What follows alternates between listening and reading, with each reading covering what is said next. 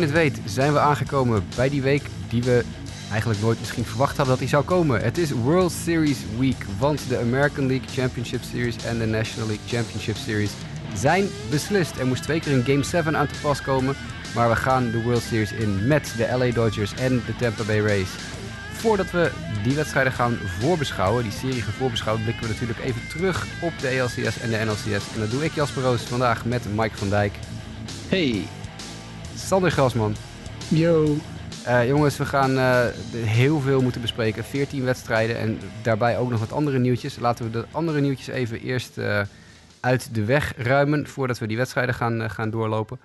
Um, want er was een klein beetje honkbalnieuws aan het begin van deze week, terwijl iedereen nog tot over zijn oren in de, in de, de playoffs zat. Maar de White Sox hebben Ricky Renteria, manager Ricky Renteria en pitching coach, longtime pitching coach Don Cooper op straat gezet. Uh, en dat betekent dat die club nu op zoek is naar een nieuwe manager. Dat is natuurlijk opvallend als je je manager eruit stuurt. Als je net de playoffs hebt gehaald voor het eerst in 12 jaar, dan is er wel iets aan de hand. Uh, er bleek dat uh, Renteria niet zo'n voorstander was van de moderne dingen. En Cooper is ook een, ja, een fossiel. Dus het is tijd om iets nieuws te gaan doen. En nu komt het, ja, het grote moment, hè, boys. Want nu komen de namen als AJ Hinch en Alex Cora weer bovendruppelen. Ja, daar kon je op wachten, hè? Dat die bij de eerste ontslagenrondes naar voren geschoven zouden worden. Het uh, was natuurlijk in Boston uh, ook al het geval. Daar is het meer core en hier is het volgens mij iets meer hinge. Althans, dat is wat ik heb meegekregen. Klopt. Maar het zat uh, aan te komen wat dat betreft is denk ik... hinge is natuurlijk vooral... Ja, eigenlijk meer zijn leiderskwaliteiten zijn een beetje hebben vraagtekens erbij gekregen omdat hij niet ingegrepen heeft, maar was zelf geen voorstander. Terwijl Cora wordt meer gezien als uh, een van de instigatoren. Dus wat dat betreft verschillen ze denk ik al iets over hoe we ze moeten bezien uh, na het schandaal. Ja, wat vind jij er zelf van? Nou ja, alles behalve Tony La Russa vind ik goed. Want dat is ook nog een... Uh, heb je dat gezien, Mike? Dat, dat Tony La Russa genoemd wordt als iemand die voor die job komt interviewen? Dat kreeg vrij veel tractie volgens mij ook wel. Oh mijn god man. Ja, dankjewel Bob Nightingale. Echt. Nee, dat is natuurlijk uh, allemaal bullshit. Dat gaat natuurlijk nooit gebeuren. Want de White Sox zijn wel een rare organisatie, maar zo raar zijn ze nou ook weer niet. Uh, voor de mensen die dat gemist hebben, Bob Nightingale van USA Today, uh, eh, MLB Bob, heeft weer een, een tweetje en een artikeltje de wereld ingegooid. Waar USA Today wel slim heel nog even op het allerlaatste moment opinie boven heeft gezet in plaats van nieuws. Uh, dat hij uh, het nieuws had dat Tony La zou uh, mogen interviewen voor de job van manager. Tony La is wel 80 jaar inmiddels, heeft al een, een DUI, met een slok op achter het stuur op zijn naam staan van de laatste paar jaar. En heeft op meerdere keren, inclusief dit jaar nog, zich negatief uitgelaten over de Black Lives Matter movement en de, de knielen voor het volkslied enzovoort enzovoort. Nou, dan moet je bij de White Sox aankomen, waar Tim Anderson een van de meest uitgesproken activistische spelers uh, is uh, in Major League Baseball. Dus dit is natuurlijk gewoon een, uh, een gunst doen van eigenaar Jerry Reinsdorf aan zijn oude vriend Tony La Russa. om hem weer een beetje relevant te maken of zo, weet ik veel. Maar de White Sox gaan natuurlijk nooit... manager toch ook, van de White Sox? Ja, ja 1986. Ja. Ontsla ontslagen door, door Hawk Harrelson. midden in het seizoen. Toen Hawk Harrelson nog GM was, één jaar de grootste fout die hij uit zijn carrière gemaakt heeft, zegt hij zelf ook altijd. Want La werd ontslagen bij de White Sox in 86, vertrok naar Oakland. En de rest is geschiedenis, want in Oakland heeft hij weet ik hoeveel titels gewonnen. En toen werd hij de Tony La Russa die we allemaal kennen. Uh, ja, nee, Hinch inderdaad wordt genoemd als uh, de grote topfavoriet. Uh, en ja, wat vind ik daarvan? Ja, weet je, het punt is, als de White Sox hem niet aannemen, dan gaat hij ergens anders naartoe dus dat is een beetje, kijk, je, je kan dan heel erg uh, hoog van de toren gaan blazen van wij zijn een organisatie die ons niet inlaat met dat soort mensen. Maar dan gaat hij naar, weet ik veel, de Tigers die ook heel veel interesse in hem hebben. Of naar, uh, als de Dodgers de World Series niet winnen, dan vliegt Roberts eruit. En dan heb je dikke kans dat hij naar LA gaat. Er gaat een team gaat hem aannemen. Dat is, dat is een, een foregone conclusion ja, als het dan de nummer één beschikbare manager in Major League Baseball is, waarom dan niet naar de White Sox? Weet je wel, een team met waar op dit moment denk ik iedere manager op aarde wil daar wel bij betrokken worden, bij die doorbraak van dat, uh, van dat collectief. Tja, als je dan moet kiezen uit Hinch, Cora, Larusa. Uh, nou ja, Roberts wordt genoemd als hij eruit geklikt wordt bij LA, maar dat zie ik nog 1, 2, 3 niet gebeuren. Uh, Terry Francona, als hij niet blij, bij de Indians blijft en Sandy Alomar daar dus de, de job krijgt. Of Sandy Alomar als Francona bij de Indians blijft. En dus de White Sox die ook meerdere keren Sandy Alomar onder contract hadden staan. misschien die kant op willen gaan. Hensley Meulens is nog genoemd door Dave Brown van Yahoo Sports. dat zie ik ook niet zo heel snel gebeuren als ik eerlijk ben. Dus ja, weet je, uh, dit, is, uh, dit is voor White Sox fans leuk om even te volgen. Maar het is heel opvallend natuurlijk dat Renteria eruit geknikkerd wordt op het moment dat hij eruit geknikkerd werd. Volkomen onverwacht voor iedereen. En ja, dan nu zitten we te kijken naar een potentiële, tussen aanhalingstekens, uh, supermanager in de vorm van Hinch of een Cora. Ik verwacht Cora niet overigens. Ik denk dat Sander gelijk heeft hoor. Ik denk dat Cora toch steeds meer naar de Red Sox weer terugtrekt. Maar ja, je zegt uh, Hinch is de number one kandidaat. Ja, is hij dat, is, is hij dat dan? Ja, ik... ja, ja, dat is ja, wel. Oké. Ja, wie zou je anders de nummer 1? Nee, nee, wie zou je anders de nummer 1 hebben? Nee, goed, dat, dat, is inderdaad een interessante vraag. Maar juist omdat je als, als, als uh, Chicago White Sox, denk ik, best wel een ontzettend aantrekkelijke baan op dit moment uh, aan te bieden hebt. Die, kijk, ik heb een andere ervaring met AJ Hinch. En die is natuurlijk ook gekleurd omdat hij manager is geweest bij de Diamondbacks voor x aantal wedstrijdjes. En dat liep echt af op een grote bakel. En later was hij een groot succes bij de Astros, waar hij het uh, in die zin goed gedaan heeft. Want hij is hartstikke goed omgegaan met het, uh, het team. Heeft veel spe spelers laten debuteren. En uiteindelijk heeft dat geleid tot... Uh, de titel met het sterretje. Ja, jij zegt het mooi. Ik zou zeggen tot een succes waar we inderdaad met, met wat andere gedachten is er ook nog bij. Maar uh, ja, ik weet nog steeds, ja, ik, ik, ik vind het heel lastig, want er zijn inderdaad weinig andere goede kandidaten. Tegelijkertijd, wat je zegt, qua integriteit. Ja, of, of geef je dan inderdaad een, een onbewezen iemand uh, de kans? Of iemand uit nee, je, dat gaan ze wat... sowieso niet doen. Dat gaan ze okay. sowieso niet doen. Dat hebben ze ja, gelijk op de persconferentie. Heeft, uh, heeft Rick Hahn, de GM van de White Sox, al meteen gezegd. Idealiter heeft de kandidaat, onze, onze topkandidaat, uh, recent ervaring in de postseason recent ervaring met een uh, jonge opkomende groep spelers. En recent ervaring met de, met de, de play-offs. En het winnen van een titel eventueel. Ja. Um, dus dan kom je al gauw uit bij inderdaad jongens als Hinch of, uh, of Cora. Die natuurlijk allebei recent een titel gepakt hebben. Ja, het niet allemaal op de even juiste manier zijn gegaan. Wat in het voordeel van Hinch en in het nadeel van Cora spreekt ook wat Sander al aangeeft. Hè. Cora is natuurlijk wat meer altijd gezien als het brein achter al het cheaten. Terwijl Hinch weliswaar uh, televisiemonitoren kapot gegooid heeft... omdat hij boos was dat zijn team bezig was... maar vervolgens het daarbij gelaten heeft toen ze er gewoon mee doorgingen. En, en Hinch heeft zich wel altijd vanaf het moment dat hij zijn eerste interview gaf... heel duidelijk gezegd, luister, mijn grootste fout is geweest... dat ik niet harder opgetreden heb. En hij is daardoor misschien iets minder het brein achter het cheaten. Het brein, dat zijn Beltran en Cora over het algemeen. Bij, bij Houston. Dat wordt over het algemeen uh, gezien als de mannen die uh, ja, de boel aangestuurd hebben. Het feit dat Dallas... Dat... Uh, ja, ga maar. Ik moet zeggen dat ik het wel een... Uh, ik vind het wel een goede beslissing eigenlijk. Die, het window of opportunity gaat nu natuurlijk echt open. En als je het dan niet ziet zitten, dan kan je beter... nee, misschien is hij er te laat uitgegooid, maar... ja, ik vind het wel dat je nu met iemand in zee wilt gaan... met wie je echt het vertrouwen hebt dat je voor de titel kunt gaan... nu je ja. echt ook het, eh, het reëel begint te worden. Ja, vind ik dat goed dat je het niet doet uh, nadat je volgend jaar misschien uh, achteraf ook weer denkt van nou, misschien hadden we een andere manager uh, moeten hebben. Ja.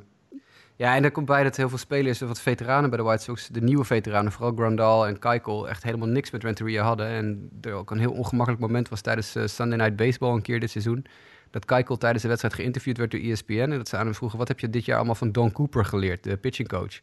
En dat het echt gewoon zeven seconden doodstil was. En dat er vervolgens een verhaal uitkwam bij, bij Keikel dat hij zoiets zei van... Ja, kijk, Coop is echt een uh, geweldige man waar heel veel kennis in het hoofd zit.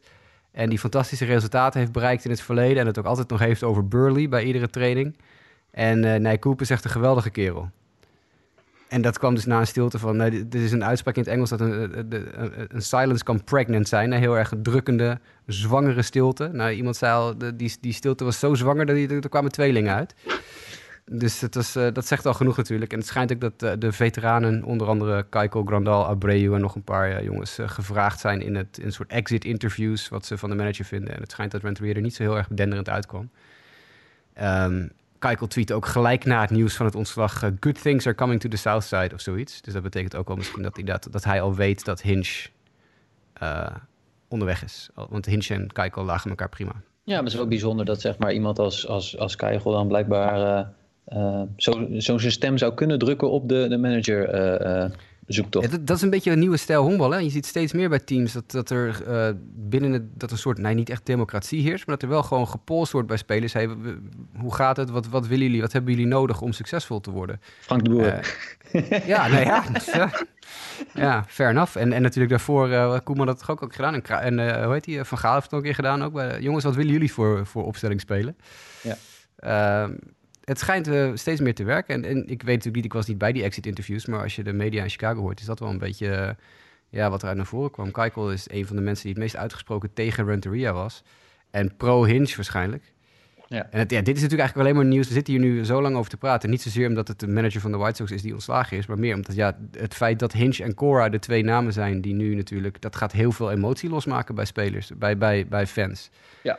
Uh, in de league misschien ook wel. Er zijn, er zijn White Sox fans die bang zijn dat hun spelers straks gestraft gaan worden voor het feit als ze Hinch op de bank hebben zitten. Ja, nou, ik zie dat niet zo heel hard. Ik bedoel, ik denk dat, dat professionals ook wel kunnen zien van, ja, luister, de ene, de ene team is het andere niet. En Hinch heeft natuurlijk zijn, zijn boete betaald. Hij heeft een jaar, is een jaar geschorst geweest zometeen na de World Series. Ja, en in principe ben je dan gewoon toch gerehabiliteerd. Dat gebeurt met heel veel van die sporters. Het is een zeld, zeldzaam geval als dat niet gebeurt. Neem de Pete Roses van de wereld. Ja, nee, maar het, bij mij zit het meer op dat ik zeg van, nou, het is een, een, verkapt seizoen geweest, een beetje apart seizoen in die zin ook.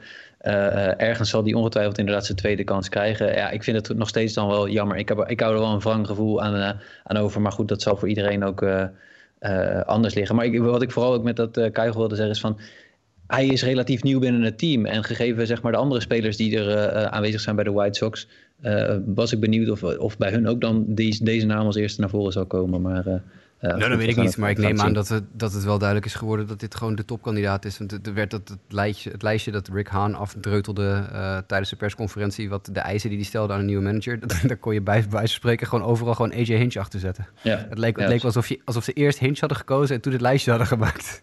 dus, dus wat dat betreft, uh, goed. Nogmaals, dit is een heel lang gesprek over één team en één manager, maar dit, ik weet gewoon dat dit gaat, uh, dit gaat heel veel teweeg brengen, deze beslissing.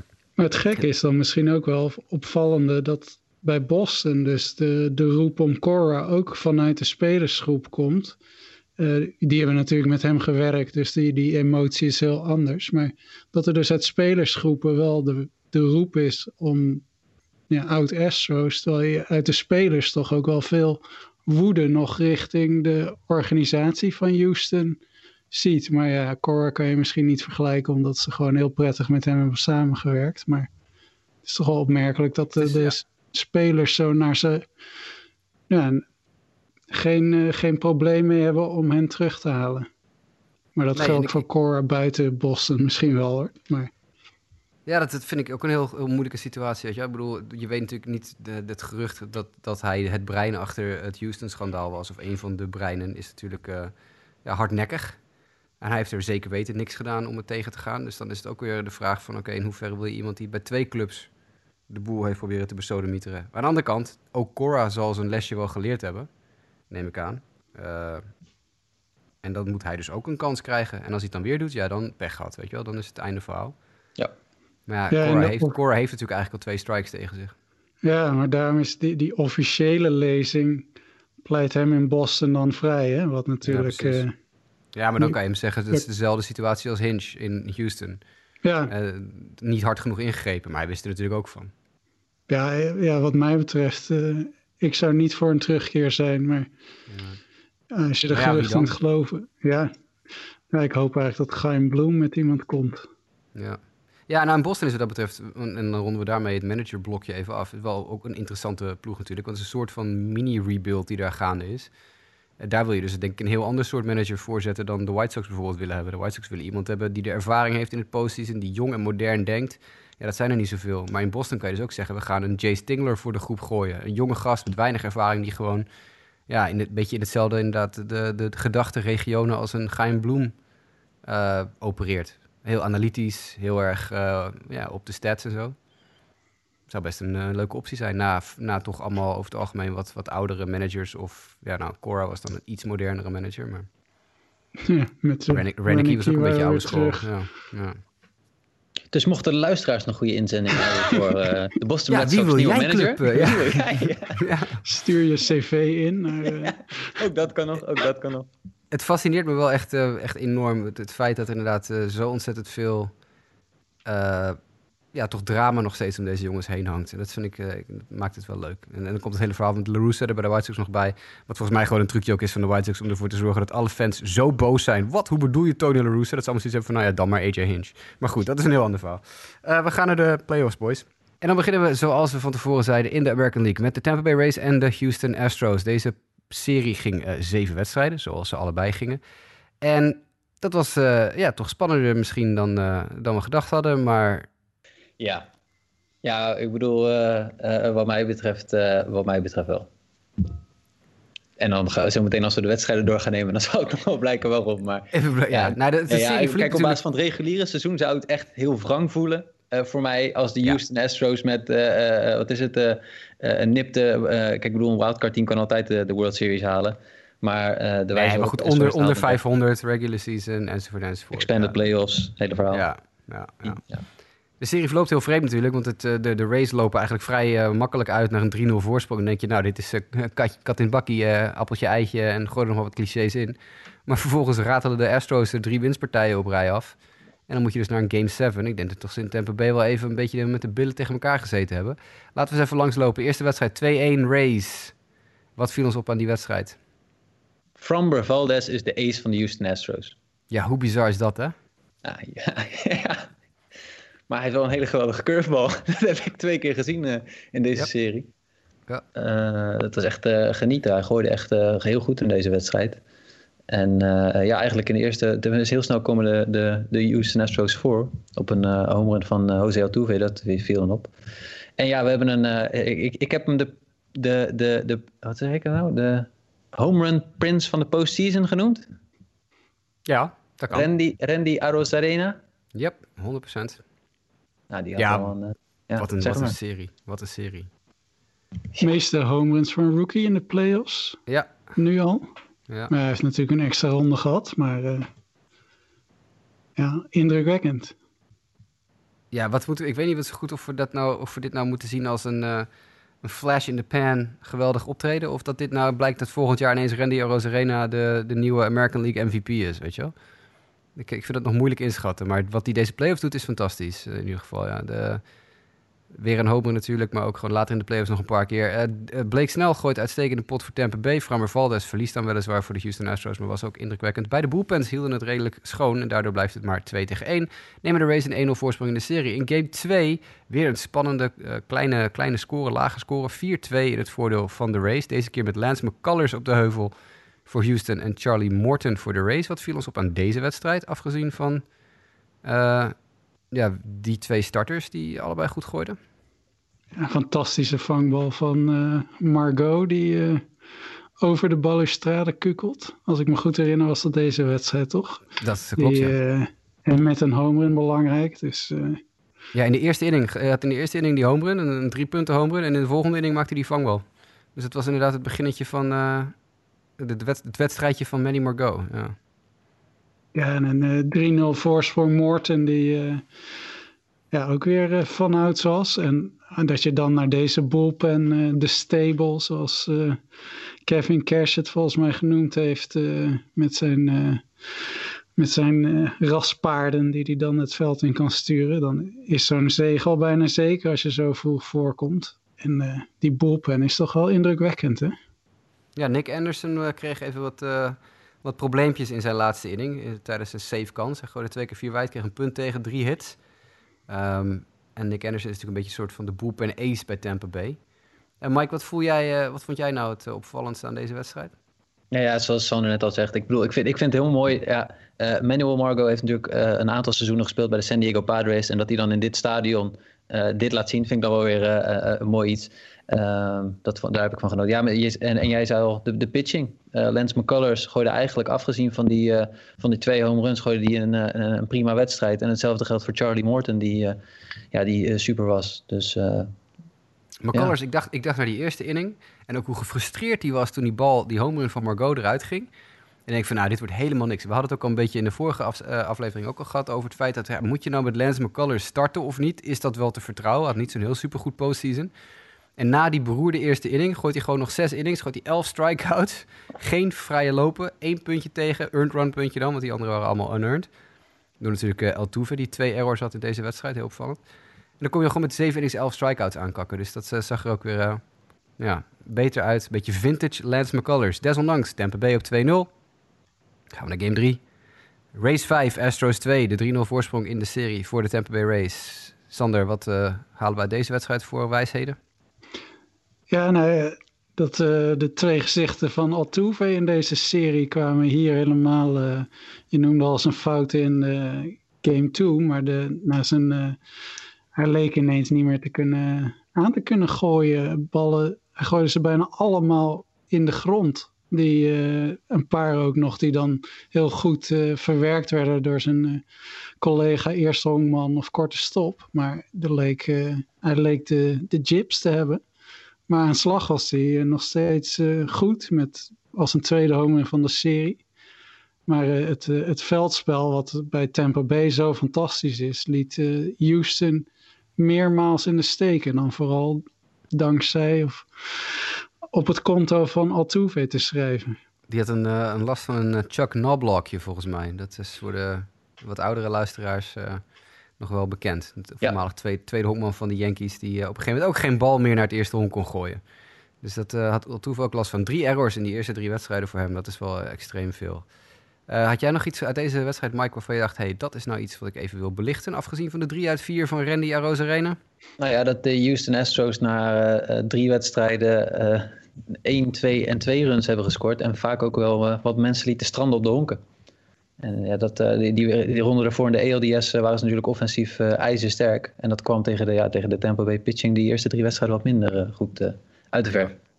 Tampa Bay pitching ook wel even een fragmentje beter dan alle tegenstand die de Houston Astros tot nu toe gehad hebben natuurlijk. Dat lijkt me duidelijk. Maar goed, dan staan ze 3-0 voor die race. En dan denken ze misschien van nou, we moeten nog maar één keer winnen. En dan gaat een beetje het gas eraf. En dan zie je toch dat Houston zich terugkrabbelt in de serie. De vierde wedstrijd eindigt in een 4-3 overwinning voor Houston. De win in die wedstrijd gaat naar Zach Greinke. Die, en dit is iets waar we ongetwijfeld bij stil willen gaan staan... gezien de grote liefde die er voor Zach Greinke heerst in onze uh, redactie. En even shout-out ook naar Jimmy Driessen... die op ieder moment van de dag een Zach Greinke gifje of filmpje tevoorschijn kan toveren. Maar dit was, uh, dit was uh, vintage postseason Greinke, hè? Ja. ja. Ga je gang, Sander. ja, ja, dat was... Ja, je, je denkt eigenlijk de Tampa Bay oogde gewoon veel sterker in de serie, de eerste drie wedstrijden. En ik, volgens mij kwam er al, het was op The Athletic of MLB.com eh, al een artikel met helemaal de redenen waarom Tampa Bay zoveel beter was dan de concurrentie. Maar uh, ja, dat, uh, dat heeft Cranky samen met nu weer Altuve in aanvallend opzicht ja, bewezen dat er nog spanning in zat. En het, het viel me vooral op dat je offensief kon je gewoon knippen en plakken uit uh, artikelen van de vorige verslagen. Want het was Rosarena, Altuve. Nou, Springer was dan deze serie dan voor het eerst een homerun. Maar die heeft natuurlijk ook al zoveel homeruns in de playoffs geslagen. Ja, die heeft het record toch? Of is het geëvenaard nu toch? Het aantal homeruns in de playoffs of zo? Ik weet niet hoe dat staat. Ja, hij staat nog...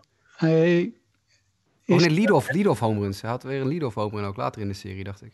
Ja, hij staat nog vrij ver achter op uh, Manny Ramirez. Die, uh... ja, ja, volgens mij was dat het. Volgens mij sloeg, hij sloeg later in de serie sloeg hij een lead-off homer. En het was een evenaring van het record van een beroemde speler. Maar dat moet, even, moet ik even nazoeken, weet ik niet meer. Uh, Tyler Glasnow voor de race niet zo heel sterk in deze wedstrijd. Kreeg vier punten tegen in zes innings, vijf strikeouts, twee walks, twee home runs. En dan werd hij ook nog flink geholpen door zijn veld. Want in de hele wedstrijd uh, gooiden de Tampa Bay pitchers maar liefst vier double plays. Uh, dus er werden regelmatig mensen van de honken afgevaagd door, door de Astros. Die uiteindelijk wel met één puntje verschil weten te winnen. Dan gaan we naar de vijfde wedstrijd. Want dan denk je nog steeds, Race moeten maar één keer winnen. En dat lukt ze weer niet, want ze verliezen opnieuw met 4-3. Deze keer de loser is Nick Anderson. en de win gaat naar Ryan Presley, de closer van Houston. Uh, lange wedstrijd dit. Homeruns van Brandon Lau en Yiman Choi voor Tampa Bay. En Springer en Correa voor Houston. Wat en was Randy. nog? Randy had er ook eentje. Sla ik Randy nou? Oh, ik sla Nee, Randy over. Ik Randy het. Ja, ik, ik sla Randy over. Sorry, ik zit eh, door te lezen. En Randy had er ook eentje. Eh, de, de opener van Tampa Bay, eh, onze grote vriend, luistert naar de, de, de geweldige naam John Curtis met twee S'en. Die opende het bal, 1.1 innings. En daarna mochten Fleming, Slegers en Nick Anderson... Ik zat met Seb Visser te praten van de week eh, van de KBSB. En die had hetzelfde idee als wij toen we de naam Slegers zagen. Hé, hey, dat zal wel een Nederlander zijn. Dat heeft hij ook gelijk even uitgezocht voor het eh, eh, Team Kingdom. Maar dat helaas, Slegers is geen Nederlander. Geen, geen voorvader die je kwalificeert. Maar wat valt er op aan deze wedstrijd? Afgezien van de dingen die ik lekker voor jullie voet heb weggemaaid. Ja, een wedstrijdje bullpenning. Ja, holy crap man. Ja, dat is wel weer eh een 11 ouderwetse... pitches tussen twee, eh, tussen twee teams. Ja. Ja, ja, maar ja, goed, weet je, voor de Astros is het ook erop of eronder. Dus dan eh, ga je gewoon, als het eentje niet werkt, dan gaan we door met de volgende. Eh, en het, ja, het valt me ook wel op, in, in- eigenlijk zijn het continu de longballs geweest die het verschil maken. En niet eens met zoveel mensen op de honken. Was het niet een statistiekje, en ik hoorde het van de week ook weer iemand in een andere podcast zeggen. De teams die de meeste home runs slaan in een, in een wedstrijd zijn 23 en 1 in deze postseason, of 23 en 2. Dat Dus het is, weer, ja, het is weer het jaar van de longball natuurlijk in de, in de, in de playoffs op deze manier. Maar het zijn ook zoveel solo shots. Dat is echt, eh, het is allemaal sprokkelen van home runs. Er, is, eh, er zijn weinig honklopers die meekomen met de home runs. Dus elke keer, eh, je ziet ook echt een soort binaire code als je de boxscores zo kijkt. Dat het eh één runnetje per inning, nul runs, twee, heel af en toe drie. Maar het is echt eh, sprokkelen. In de American League wel. Ja, maar het is wel waar. Een echte, een echte rallies, is, echte rallies zijn er niet echt meer. Het zijn allemaal eentjes of tweetjes in die boxscores. En de Dodgers hadden er dan alleen twee eentjes in één. eh, Ja, ja, daar komen we later op. Ja. Lekker. Maar bij Tampa Bay en, eh, en Houston allemaal eentjes en tweetjes overal. Ja. Het is allemaal of solo shots of één RBI single of één RBI double inderdaad. Maar goed, eh, zesde wedstrijd. eh, wordt het gelijk in de serie. Astros winnen 7 tegen 4. Daar gaan we. Daar staat voor de eerste keer een crooked number. Een viertje stond daar, zie ik hier staan. in, de, in de line score. Ehm, dit was een wedstrijd die gestart werd door Blake Snell voor Tampa Bay. En daar is hij weer Framber Valdez voor Houston. En daar gooit Framber Valdez eigenlijk, Mike, gewoon Blake Snell eraf. Ja, ja het was echt, eh, tenminste, ik weet niet of je de highlights gezien hebt. Maar met name de curveball van, van, van was echt eh, bestuderenswaardig. Die zag er eh, goed uit. En ja, wat ik zeg, het is, het is eigenlijk een. nie- niemand. Dit hadden niet veel mensen zien aankomen dat Framber de, de, de beste man van zou zijn bij de Houston Astros. Iedereen had toch wel hoop op dan iemand als Granky. maar ja, die had natuurlijk ook wat blessureklachten vooraf. Maar Valdez stond er toen het nodig was. En ja, je gaat dan eigenlijk ik, ik ging er niet meer vanuit, net zoals dat eh, ik er niet vanuit ging dat de Red Sox het in 2004 nog zouden doen tegen de Yankees. Eh, maar dat het überhaupt nog 3-3 zou worden in deze serie. Maar eh, het lukt ze dan wel. Ja, en dat lukt ze dan tegen Shane McClanahan, de reliever die naast Snell Castillo op de heuvel kwam. Shane McClanahan, voor de mensen die dat even gemist hebben, is 23 jaar. Die werd op 29 september, dus daags voor de playoffs, werd hij opgeroepen door de Tampa Bay Rays voor zijn Major League debuut. Want die jongen die heeft amper eh, gepitcht überhaupt in de minors. Hij is van een draft van eh, 2018, dus twee jaar geleden gedraft. Dus heeft in 2019 heeft hij geminor leagued en vervolgens in 2020 niet. En dan word je op 29 september toegevoegd aan de playoff roster van het beste team in de, in de American League, zo'n beetje. En die kreeg het even ongenadig op zijn broek. Eh, drie punten tegen, vijf hits in 1,2 innings. En dan zie je toch maar weer dat je hebt dan wel een stable, maar ook in die stable zitten jonge, jonge horses. En deze jongen die kreeg het eventjes eh, goed, eh, goed op zijn broek. Ja, en in deze wedstrijd zag je dus echt dat er, eh, dat er wel sprake was van rallies. Eh, nou, hij kreeg er een om de oren. Alvarado daarna, omdat hij eh, geen strikes kon gooien, een tijdje. Eh, dat hier eh, veel punten werden gescoord, juist niet uit home runs. Maar Ja. het is de uitzondering die de regel bevestigt. Maar eh, ja, het is wel eh, opvallend dat het dan eh, Houston is dat eh, met small ball eh, wint. Terwijl Ja. je die zoveel home run power in huis hebben.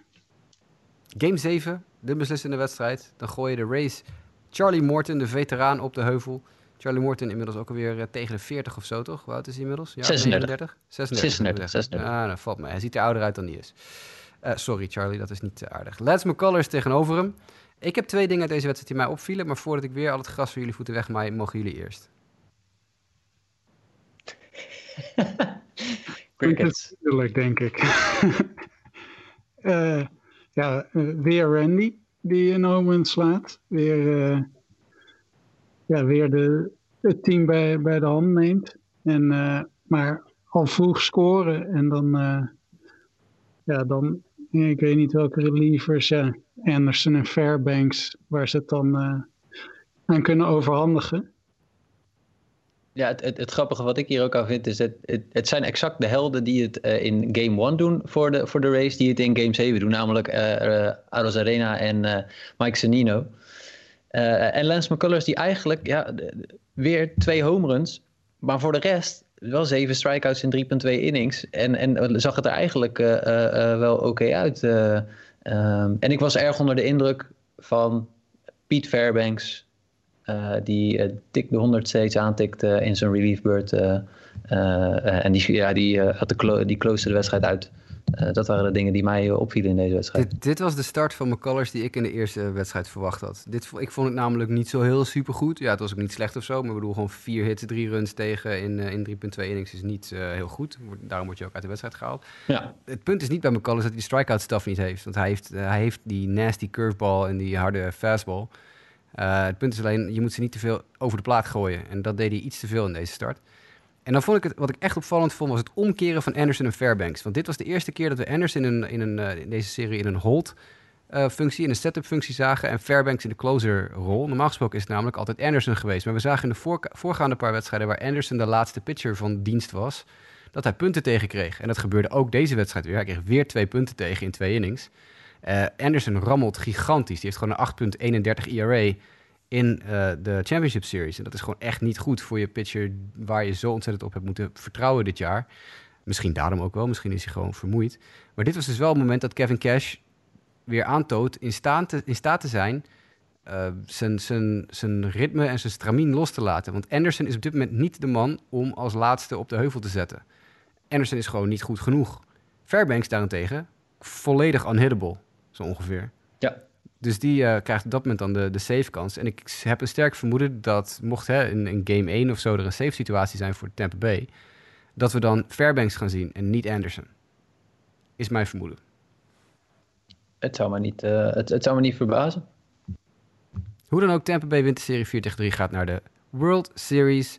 Zoals wij stiekem al een klein beetje hoopten allemaal. Dat is niet stiekem, daar waren we vrij duidelijk over. Het is wel knap dat ze voor de tweede keer in uh, franchise history, de laatste keer in 2008 tegen de Phillies volgens mij, uh, het opnieuw weten te fixen, zeg maar, om met zo'n payroll en dergelijke weer de afgevaardigde te zijn van de American League in de World Series.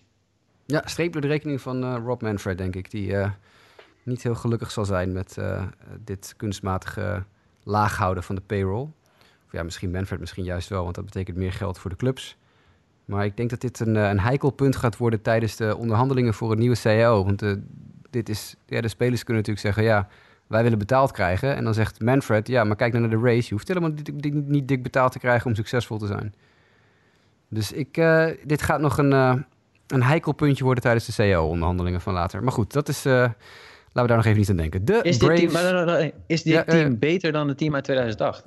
Ja, ik denk het wel. Is het een de, leuker team dan 2008? De pitching, de pitching is beter. De pitching ja. is beter. Ik, ik, denk dat dat vooral het belangrijkste is. Want in 2008 hadden ze denk ik David Price... Scott Casimir. Scott Casimir. maar wat staat erachter? Kunnen we er nog meer op noemen? Oeh, nee, ik ken vooral meer jongens van de offense. Carl Crawford ja, dat was, en zo. En, ja, uh, Evan, Longoria. Evan Longoria, ja precies. Rocco Baldelli. Uh, ja, de, de offense, als je kijkt wat ze in ieder geval tegen Houston hebben gedaan haal daar Aros Arena weg.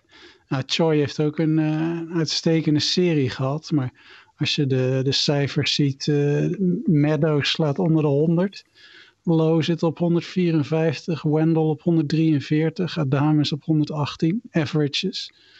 Uh, Meadows heeft OPS van 221. Jiman Choi wel, wel goed deze playoffs. Dus ook een, een beetje under the radar heldje. Ik ga even kijken naar het roster van 2008 tot er nog meer. Dat is op zich, het is wel een beter team dan ik in mijn gedachten had zitten qua namen. Want we hebben natuurlijk naast Evan Longoria en, uh, en de eerder genoemde Rocco Baldelli en Carl Crawford... hebben we ook nog uh, Johnny Gomes, BJ Upton, Ben Zobrist, Cliff Floyd, uh, ontmoet in Londen, aardig kerel... Uh, Dan Johnson, ook nog wel later wat in de, in de Major League geweest. Reed Brignac hebben we nog een paar keer gezien. Jason Bartlett, Willie Ibar. Iwamura. Dus dit zijn wel allemaal aardige namen. Maar ik zit naar die rotation te kijken. Dat is inderdaad David Price, Scott Casimir, Edwin Jackson. Matt Garza. Jason Hamill. Was die in de rotation toen? Ja, denk het wel, hè? James Shields. Ja. Ah, dat is geen onaardig team. Nee, is geen onaardig team. Zeker geen onaardig team, nee. Ik zag trouwens nog die, uh, want je zegt net G-Man Choi.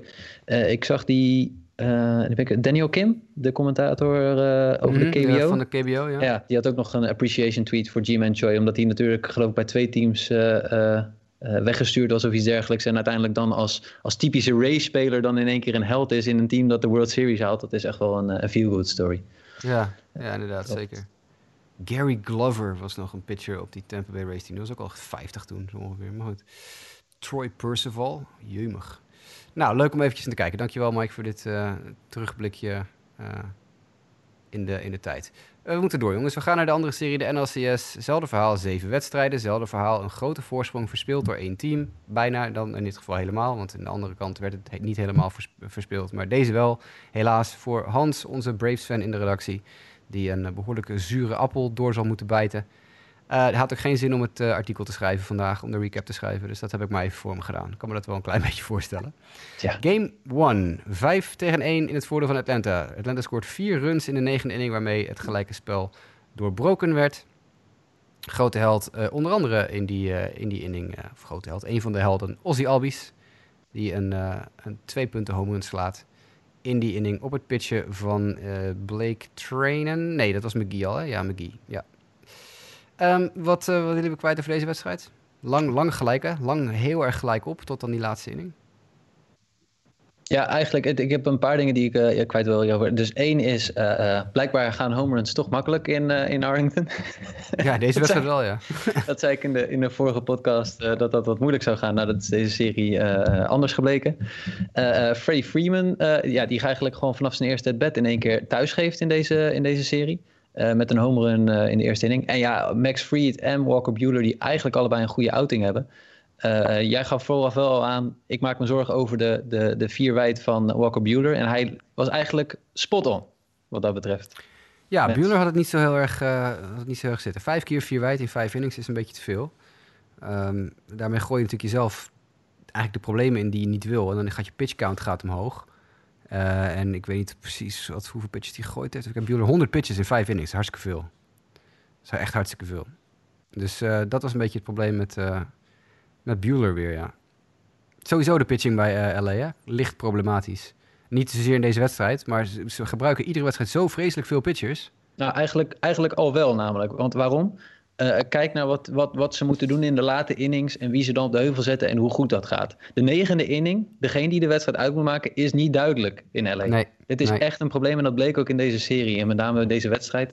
Uh, uh, je staat 1-1. Kenley komt niet, dus Kenley is op dat moment niet de closer. en de vraag is of hij dat op dit moment eigenlijk is als ze de World Series gaan beginnen. Ja. ja, ze hebben ook al een paar keer dat ze gefaald hebben, denk ik toch? Jansen was in eerste instantie volgens mij de man. Maar toen leek Gratterall eerder in de playoffs leek bijna uit te groeien naar die rol. Maar die uh, was ook een, ook een zwakker optreden. En, en nu trainen. Ja, die, werd, die, werd, nu in de zesde inning al gebruikt. Gratterall.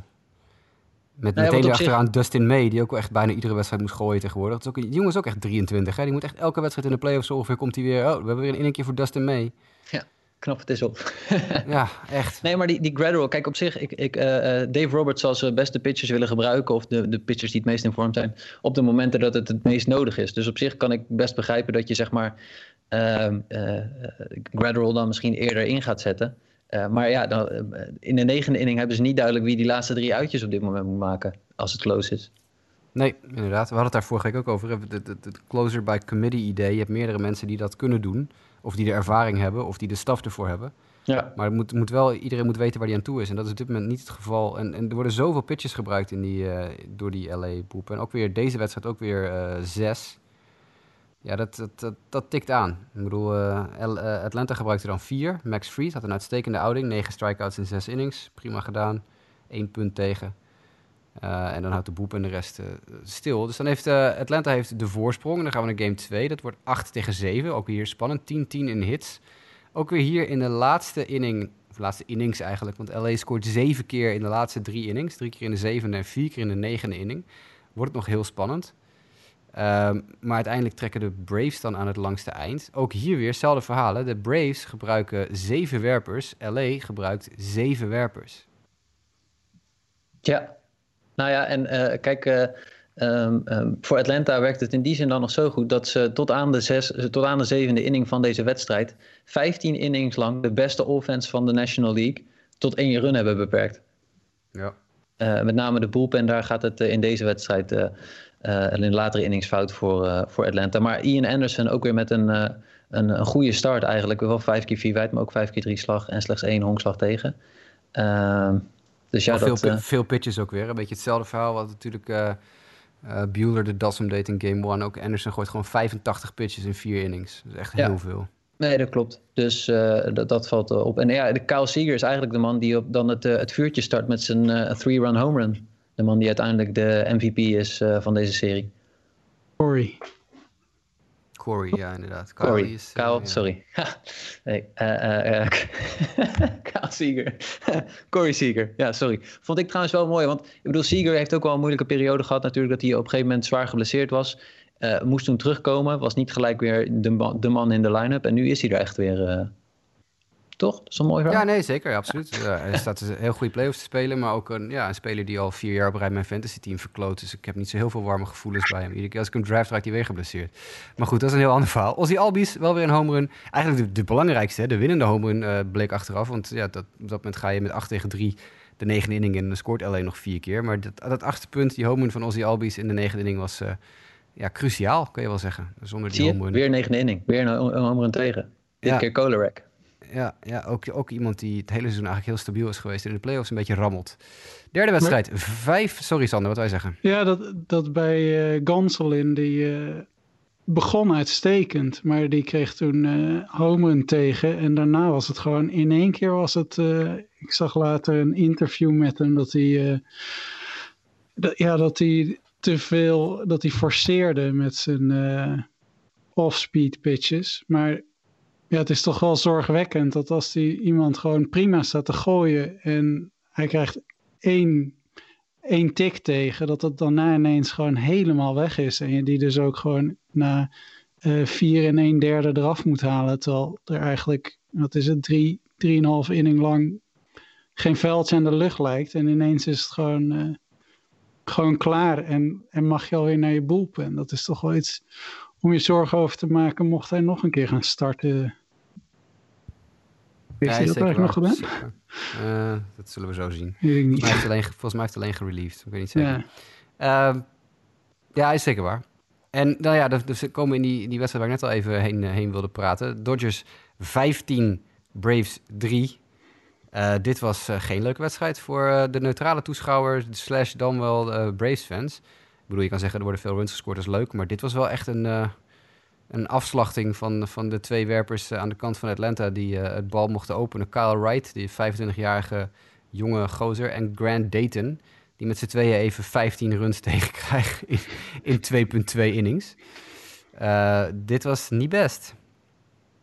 Nee, dit is wel denk ik een reden waar misschien soms Mercy Rule wel zou mogen. Want als je na nog geen drie innings 15-0 op de teller staan. Er kan natuurlijk van alles gebeuren. Nu wij, zelfs gedacht bij de Braves. Maar ja, dat is dan een flinke zit nog als je dan nog zes innings moet. En uh, ja, je bent al zo kansloos. Ja, ze hadden het echt helemaal niet, hè, die twee werpers. Vijf homeruns tegen. Jock Peterson, uh, Edwin Rios, die echt ook weer een of andere, uit een of andere hoge hoed getrokken werd. En, en Max Muncy en Ballinger en Seager. Uh, twee stuks tegen Wright. Drie stuks tegen Dayton. Dit was, uh, ja, Als je, Bra als je Dodgers fan bent, is dit superleuk. Als je Braves fan bent, helemaal niet leuk. En ik vond het lullig voor Kyle Wright, want die stond in zijn vorige start. Volgens mij hebben we het daar vorige week ook nog over gehad. Echt ontzettend goed te gooien. En ik dacht van, wow, nou als die het even uitgevogeld heeft, hoe het werkt allemaal, dan, eh, dan hebben de Braves er echt een troefkaart bij van heb ik jou daar. En de eerstvolgende start 0.2 innings, 7 earned runs. Oké, doei, gaan we weer. Volgende. Ja. Dus, Ja, jullie, eh, weten, jullie weten hoe een voorstander ik ben van de Mercy Rule. Maar hier gaat het dan toch even omdat er pitchers gebruikt moeten worden om negen innings vol te maken. Hè? Want dat heeft een effect in het verloop van de, van de serie. Ja, zeker. Eh, maar de, ja, dit was, dit was ongekend. En weet je wat ook weer opvalt? Negen inning van de Dodgers. Kolarek, Twee puntjes. twee rondjes tegen. Ja. Yep. Ja, En. Edwin, Edwin Rios, ik heb het opgezocht. Maar is volgens mij geen familie van Alex. Hè? Want hij heeft exact dezelfde baard. hij lijkt er echt best wel op. Ik kan je heel eerlijk vertellen, ik heb letterlijk nog nooit, totdat hij ineens mocht starten in de line-up, had ik nog nooit van die gast gehoord. Echt serieus, no joke. En ik zie dat hij 76 slagbeurten heeft gehad in dit, in dit, eh, in dit seizoen. Dus hij heeft daadwerkelijk gespeeld, maar daar heb ik denk ik LA niet, eh, niet goed genoeg voor gevolgd. Maar hij lijkt de- wel op Alex Rios. Een beetje. Hij is, de, hij is de broer van Gustavo Rios. Ik weet niet of dat heel belangrijk is. Nee, nee. Dat, dat staat er eh, op de MLB.com pagina. Ook Gustavo Rios is ook een major leaguer. Of een, een honkballer. Dat is een eerste honkman. Maar het staat Ja. niet waar hij speelt. Oké, ik wil net zeggen, daar heb ik tot dit moment nog niet eerder van gehoord. Hij heeft een, eh, een MLB player page, Gustavo Rios. Er staat niet bij hoe, hoe oud hij is, maar wel dat hij eh 6 voet 3 en 240 pound is. Dus dat En hij is van? Dat staat er ook niet bij. Er staat alleen minor league eh, icoontje boven. Dus hij zal wel in de minor league zitten, maar er staat letterlijk verder helemaal niks. Kan ik op minors klikken? Nee, alles is, alle career stats zijn leeg bij hem.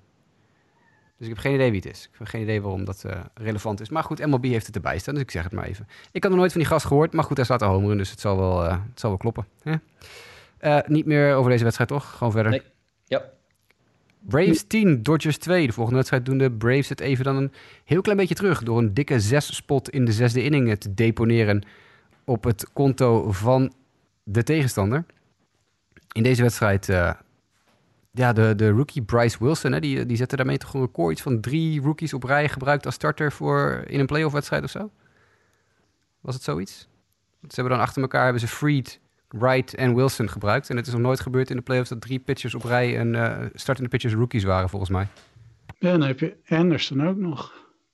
Toch? Dat is toch ook Ja, maar dat, was de vorige serie, toch? Dat was niet deze serie? Dat is niet game 1. Dat was game 1. Dat was het vier werpers op rij. Ja, nou ja, Game goed, 1 in was ieder geval- Freed, Game 1 was Freed, 2 was Anderson, 3 Dat was Wright en 4 was uh, Wilson. Wilson, Wilson, ja, precies. Dus vier rookies op rij voor Atlanta in, eh, in de playoffs. Dat is nog niet eerder gebeurd. Dus dat is wel weer geinig. Kershaw aan de overkant voor LA. Hey, Kershaw. Ja, Vijf, vijf innings, zeven hits, vier earned runs. vertekend. En, eh, vertekend. De derde keer door de line-up was hij gewoon klaar. Was hij, eh, tenminste, eh, eh, die, die inning begon verkeerd, die vijfde inning. Tot aan de vierde inning is er eigenlijk niet zo heel veel aan de hal. Hij is niet zijn, eh, qua strikeouts en dergelijke, niet de Kershaw zoals we hem eh, verwachten. Hij had natuurlijk ook pas eh, eh, had last van zijn rug. En daardoor kon hij ook pas starten in game 4. Dat is wel een, een dingetje voor, de, voor de Dodgers. Daar hebben we het denk ik zo ook nog even over. Ehm, maar eigenlijk in die, ja, in die, in die vijfde of in die, in die zesde inning, waar hij dan be- begint, ja, daar, daar gaat het gewoon op een gegeven moment helemaal mis. Maar de, ja, tot dat moment, die eerste twee keer, twee keer door de line-up, komt hij gewoon prima door.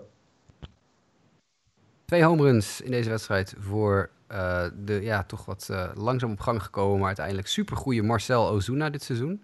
Daar hebben de Braves toch wel echt een, eh, een aankoopje aan gedaan dit offseason hoor. Het, zag er weer goed uit. Ehm, Ja, we hebben het niet eens gehad over dat in game 1 of 2 volgens mij Adam Duval wegviel door een blessure. ja, dat heb ik inderdaad helemaal niet genoemd. Nee, Christian in- Pache werd toen opgeroepen, toch? Of niet? Heb ik dat Ja. gezien? Ja, Ja, ja. En dat, dat heeft deze line-up ook niet eh, eh, geholpen. Maar Ozuna was wel, eh, ja, die, stond op, eh, die had op een gegeven moment wel zijn swing eh, goed eh, te pakken.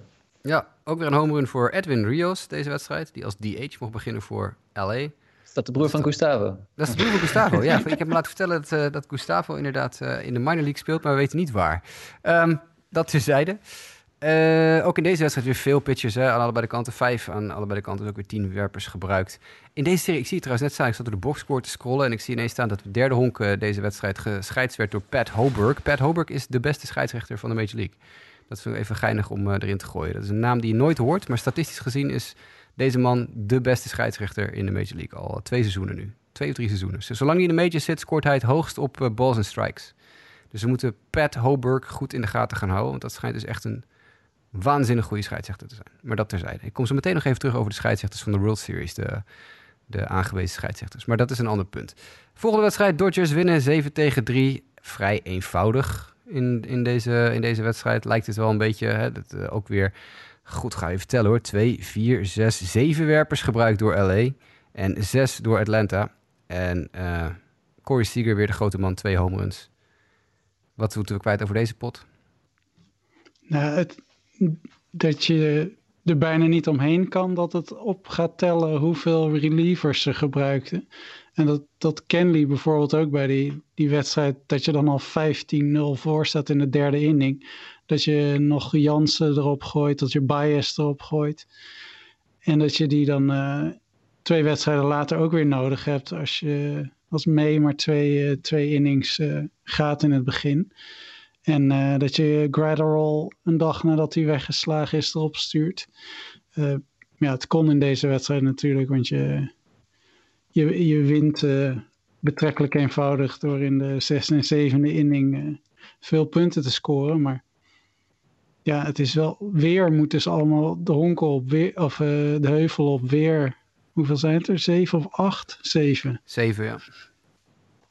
May, Kelly, Trinan, Baez, Gonzalez, Gratterall en Jansen. Er zit op Gonzalez na echt zo ongeveer het hele treintje, no pun intended, aan, uh, aan grote boelpennamen zat er in deze wedstrijd in. Wist je, had, Joe, had, wist je dat dit, Joe Kelly hè, heeft in deze hele serie 1,2 inning gegooid? En dit is één inning? Ja, dat is wel weinig. Voor, voor iemand die een grote naam is, in mijn beleving. Had hij niet last van zijn arm dit seizoen? Dat vermoed ik dan. Dat vermoed ik dan. Ja, volgens mij, had hij, volgens mij zijn ze een beetje voorzichtig met hem. Ik, ik vind het veel hoor. Ik vind het, uh, Roger, Roberts is altijd wel iemand geweest die, uh, die vrij liberaal is in zijn boepen en omgang. Maar ik vond dit wel heel extreem weer. Uh, goed, zeker als je dan die volgende wedstrijd kijkt, als hetzelfde. Ja, nog, nog één ding. Hey, we kunnen niet om dit moment heen. Will Smith tegen Will Smith. Ja, en Toch? Will Smith wint. Precies. ja. De catcher Will een goede Smith. serie had, Will Smith. Ja, vond ik ook trouwens. Dat, ja. nee jongens, de catcher Will Smith had een goede serie. En die, ja. die won ook het gevecht hier. Ja. Uh, met een home run tegen de pitcher Will Smith. Um, ik, dan zie je ook weer dat daar komen dan. Je begint dan die wedstrijd begint Atlanta met AJ Minter. Dan komt uh, Tyler Matzek en Shane Green, nog wel de wat grotere jongens. En dan wordt het vervolgens Will Smith. Uh, en dan krijg je nog Webb en Tomlin. Dat ook niet echt. dat zijn allemaal, alle drie hebben ze ERA's boven de 10 in de playoffs. Dus dat is niet om over naar huis te schrijven. Maar goed. Dan maakt LA het vervolgens gelijk. En dan forceert LA dus een zevende wedstrijd door met 3-1 in game 6 te winnen. 9-9 in hits, ook weer in deze wedstrijd. Walker Bueller, de starter voor LA. En uh, Max Fried, de starter voor Atlanta.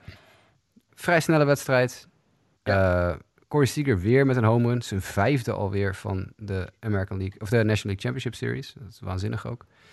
Heel goed, uh, heel goede, goede serie uiteraard. Um, mm, niet heel veel te analyseren hier, denk ik. Nee, nee, Max Fried begint gewoon bizar slecht aan de wedstrijd. Raakt de eerste slagman met de eerste bal van de wedstrijd. Uh, de volgende is uh, een hanging curveball die breekt, die Sieger eruit tilt. Dan is het al 2-0. Uh, Turner de volgende bal eruit, 3-0. En Bueller gooit vervolgens de beste wedstrijd van de postseason tot nu toe van hem. Want hij heeft geen één keer vier wijd.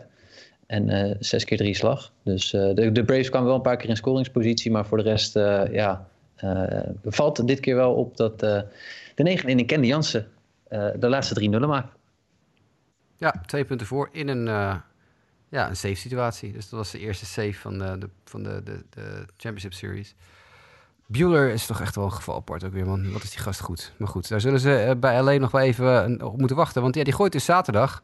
En dat betekent dat het nu uh, maandag is en dat we dus uh, nog niet kunnen beschikken over Walker Bueller uh, in, in de, de, de, eerste wedstrijd morgen. Dus dat is, dat is opvallend. Dat komen we zo meteen nog even op. De laatste wedstrijd, Game 7, die was van gisteravond of van vannacht, hoe je het ook maar bekijkt. En daar komt Atlanta er eigenlijk niet aan de pas. Slaan maar drie honkslagen, scoren wel drie punten. Maar uiteindelijk geven ze ook hier de voorsprong weg. Nadat ze natuurlijk voorstonden in de serie, ge geven ze ook hier tot twee keer toe een voorsprong weg. Er stonden 2-0 en 3-2 voor. En uiteindelijk wint LA 4 tegen 3 door die geweldige bom home run van Cody Bellinger. Hebben jullie dat filmpje gezien dat vanuit allebei de zijkant is met een, volgens mij een high-speed camera of zo, uh, op, op een HD-camera of een 4K-camera, is uh, die swing van uh, Bellinger gefilmd. En die staat op het MLB-account op Twitter en op het Dodgers-account op Twitter. En dat is toch echt wel, jongens, jongens, wat is honkbal dan mooi als je dat ziet. Maar goed. Wat valt op aan deze wedstrijd? Ja, dat uh, Gonsolin krijgt wel weer aardig wat te verduren in de twee innings dat hij mee mag komen vervangen. op dat moment staan ze achter. Dus dat is, was een belangrijk moment nog. nou, dat is natuurlijk altijd belangrijk, maar ja, je ziet weer gewoon dezelfde namen. Gonsolin, May, Trainen, Gretterall en uh, Urias die met de laatste drie innings aan de haal mag gaan. Ja, die is met die laatste drie innings er nog wel een tijdje uit. Nou, hebben we volgens mij bijna elke wedstrijd gezien. Trainen hebben we... Bijna elke wedstrijd gezien. Ja. ja. May ook vier keer of zo gezien in de serie.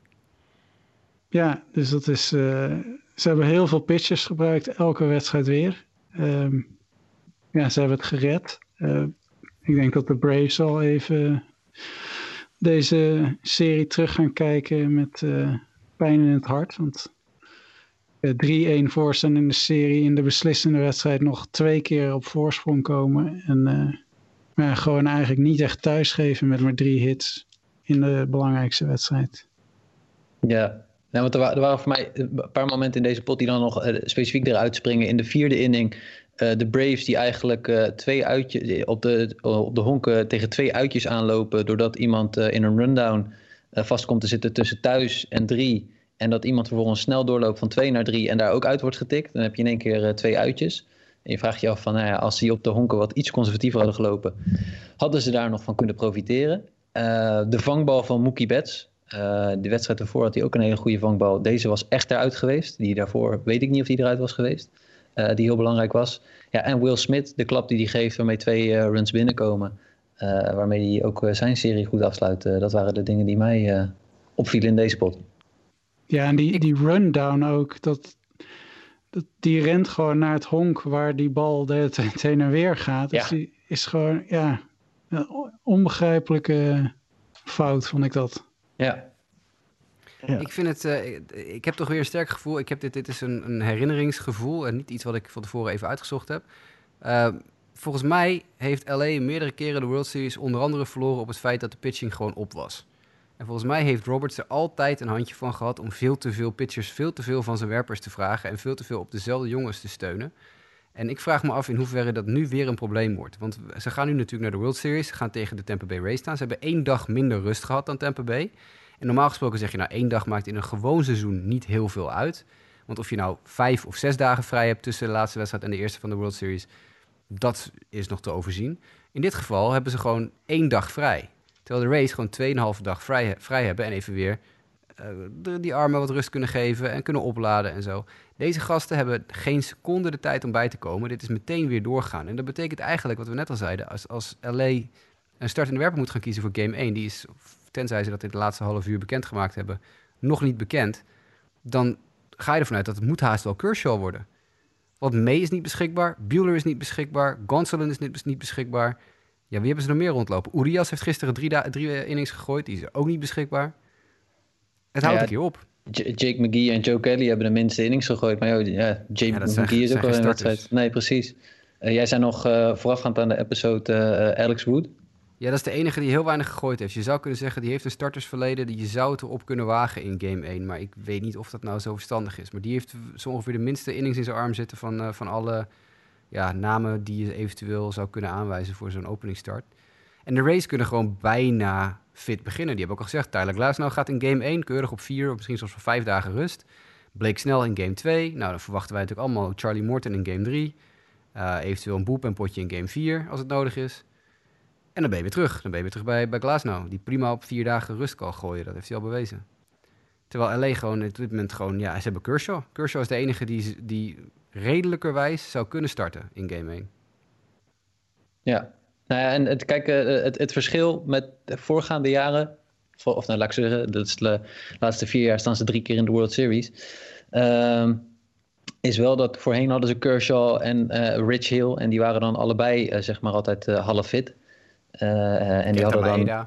ja, oké, ja, ja, ja. En Ryu natuurlijk ook nog, ja, oké. Ryu, Ryu ja, en, en Alex Wood toen hij nog minder kapot was. Ja, ja en nu hebben ze eigenlijk gewoon behoorlijk wat vraagtekens, los van wat jullie aangeven dat ze veel gevraagd hebben van die, van die webbers. Maar ja, Kershaw is ook verre van fit, hè? dat hebben we ook gezien. Ook dus dat, het, is, ja. het is heel bepalend dat je als je hem game 1 laat beginnen, ja, dan krijg je hem misschien nog een keertje in game 5.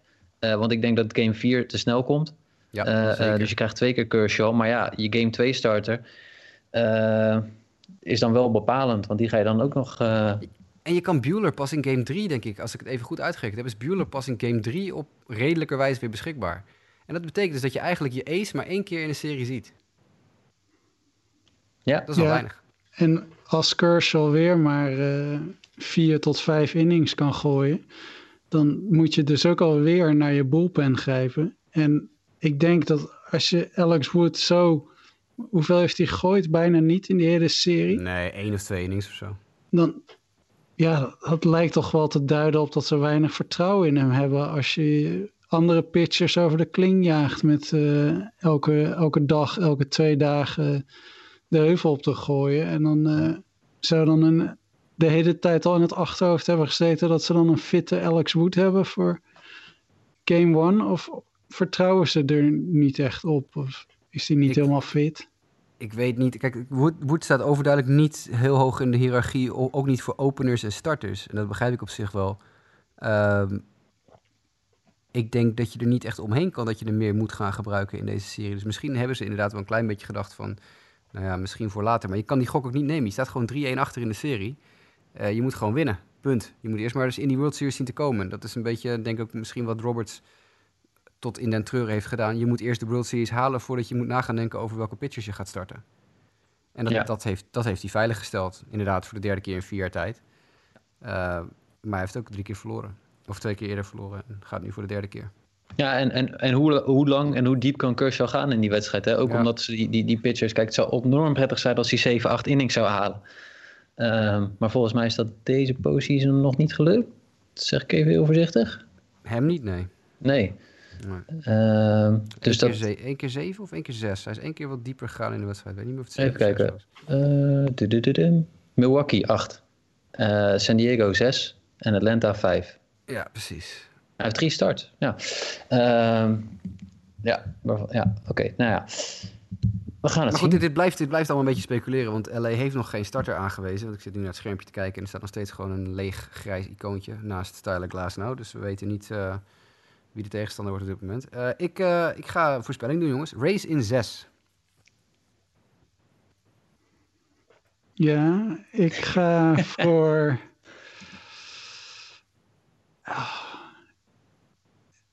Ik ga dan zeggen Dodgers in 7. Ja, de vorige, jullie weten al in ieder geval dat jullie niet naar mij moeten luisteren. Want de vorige ronde had ik ook gezegd eh Luister, dingen ik- die ik heb- totaal niet klaar. Ik heb, ik heb ik geloof, als ik het goed heb, een, een maximaal en geloof een 50% score deze postseason. Dus het is... eh, Ik score lager, denk ik. Ja, ik denk Race in 5. Wauw. Nou ja, ik, ik dacht dat ik positief was. Ja, maar goed, nee, maar die pitching is echt wel een probleem. En ik bedoel, daar ga ik er even wel vanuit dat, dat in principe mensen als, als, als, als Glass nou snel gewoon een, eh, en Morton alle drie hun niveau halen, dan staat het 3-0. Ja. Eh, maar het is wel tegen de sterkste line-up van de, van de Major League. Hè? Dat, is het, eh, dat is wat er voor de Dodgers spreekt. En Ja, we hebben te- gezien. Maar tegen de na sterkste line-up van de Major League. Want de Rays zijn gewoon het nummer twee team over het hele seizoen beschouwd Ja. achter LA. Dus de- in principe staan gewoon de twee sterkste teams van dit seizoen in de World Series. Dus het is gewoon letterlijk de nummer één tegen de nummer twee. Ja, en dat is overigens mooi. Hè? Qua eh, record vind ik dat echt eh, super. Eh, eh, ik hou van de playoffs, maar het is toch wel prettig als zeg maar, de twee number one seeds dan tegen elkaar staan. Ja. Eh, dus dat, eh, het, het grote geld tegen eh, eh, eh, de laagste payroll, zo'n beetje. Eh, of de slimste payroll.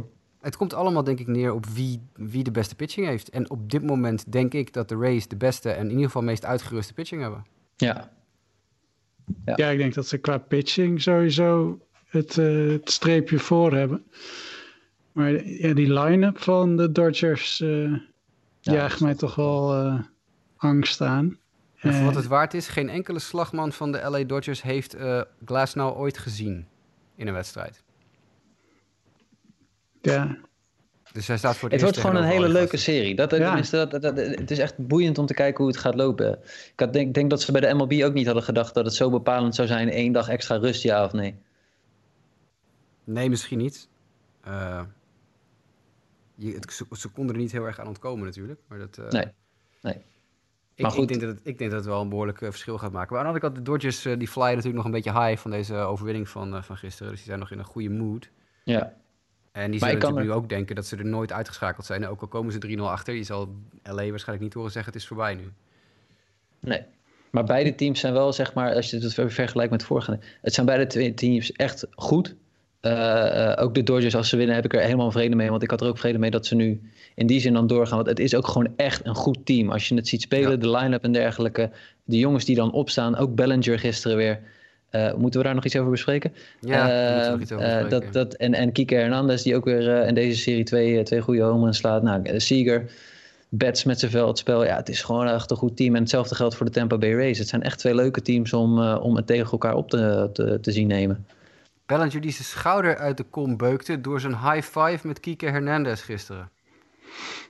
Die, eh, die- die is niet echt een high five, maar ze stoten elkaars hè, onderarmen tegen elkaar. Als, eh, dat doen ze dan eh, bij een home run. En het ging blijkbaar zo hard dat Bellinger zijn schouder uit de kom schoot. En weer teruggezet moest worden door de. Auw. Ja, dus. Kan je dan spelen? Ja, blijkbaar wel, want hij heeft het veld nog. eh, hij hij stond in het veld wel aan zijn schouder te pulken iedere keer. Maar ze hebben hem ter plekke in de dugout, hebben ze die schouder er weer in gepopt. En hij is meteen heeft zijn handschoen gepakt en hij is eh, de volgende inning het veld ingegaan. Laat het vangboog gemaakt. Het is zijn rechterschouder en hij is linkshandig, dus hij hoeft niet te gooien ermee. Maar, Maar het lijkt me toch ook slaan als linkshandige slagman. Daar heb je toch ook je rechterschouder wel een klein beetje, je rechterarm een beetje voor nodig. Bij de eerste bal die niet het stadion uitgaat, maar gevangen wordt.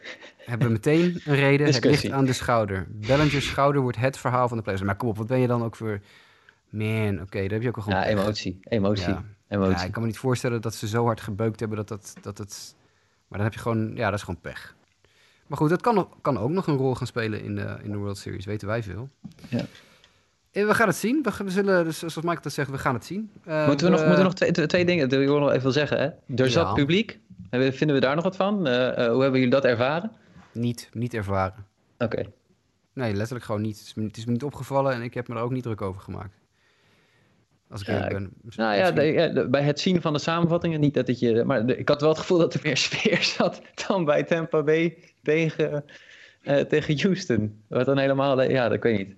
Eh, het is verder een veiligheidskwestie of ze dat wel of niet doen. Je- Er gaan er toch veel mensen dan vanuit LA. En ik had ook eh, toevallig nog een, een oud studiegenoot die zeg maar dan woonde... en die groot Braves-fan was, die in één keer in het stadion was. Dan denk je ook van, nou, dat is best een commute. Coronatechnisch weet ik niet of dat de beste ontwikkelingen zijn. Eh, ehm, maar goed, er zullen best wat fans in ieder geval vanuit LA daar zijn. Of er veel mensen vanuit Tampa de reis ondernemen. Misschien de mascotte. Ja, dat het- doen zo- ze al niet eens naar een thuisstadion. Nee, dat is, dat is een dingetje dat waar is. In de tweede wedstrijd van deze World Series wordt gehomeplate scheidsrechter door Todd Titchener. En dat noem ik even omdat Todd Titchener daadwerkelijk de slechtste scheidsrechter is, statistisch gezien, van het Major League seizoen. Dus dat is volkomen logisch dat Major League Baseball de statistisch gezien slechtste scheidsrechter en meest inconsistent scheidsrechter wat betreft de eh, balls en strikes achter de plaats zet in game 2 van de World Series. Dat wilde ik nog even kwijt. Nadat ik net Pat Hoburg even een veer in zijn reet stak, wil ik nu ook even melden dat Todd Titchener er geen hout van kan. Maar zit Hoburg wel bij de eh, eh, umpires die zeg maar in de World Series gaan doen? Of niet? Nee, want die heeft de, CS gehad. En volgens Ja, mij dus dan mag je niet? dan mag je niet naar de World Series. Want de World Series crew is al bepaald voordat Umpires 2020, voordat de CS begon. Ik zal even kijken wie het zijn. Het zijn eh, replay officials heb ik niet nodig. Bill Miller zijn crew is het. Een zevenman crew van de scheidsrechter Bill Miller. Een veteraan. Langdurige scheidsrechter. We zien Les Diaz, Bill Miller, Chris, Chris Guccione, Marvin Hudson, Jerry Meals, Mark Carlson en Todd Titchener. En eh Titchener is eh, dus de slechtste statistische scheidsrechter van dit seizoen. Laz Diaz is ook altijd een zeer omstreden balls and strikes caller. Marvin Hudson heeft een hele losse trekkervinger. Die gooit regelmatig scheidsrechter, of, eh, tegenstanders of, of, of coaches uit de wedstrijd. En Bill Miller en Jerry Meals, dat zijn de ervaren jongens met Mark Carlson. Dus ja, hmm, niet bepaald de meest inspirerend, inspirerende crew. Zijn we heel anders gewend? Nee. Eh, MLB. eh, oh. Maar goed. hey jongens, we gaan er een eind aan breien. Het is, Is alweer uh, lang, lang, genoeg geweest. Dank jullie dat jullie eventjes deze series door wilden praten. Het waren er veel. 14 wedstrijden. Moesten even snel doorheen. Toch iets meer dan een uur. Maar dat uh, ach, hè, hebben de mensen ons ook weer eens gehoord. Op naar de World Series. Wij zijn er nu weer na de World Series met een recap show. Misschien wel met een gast. Dat zou ook heel leuk zijn. Uh, voor de rest wens ik iedereen die luistert en die uitkijkt naar de World Series een heel prettige week. Kijk of je nog ergens een beetje slaap kan missen hier en daar en pak eens een stukje van een wedstrijd mee. Want het kan best wel eens leuk honkbal worden. Voor nu, Sander en Mike, hartstikke bedankt voor jullie aanwezigheid. Luisteraars, bedankt voor het luisteren en graag tot volgende week.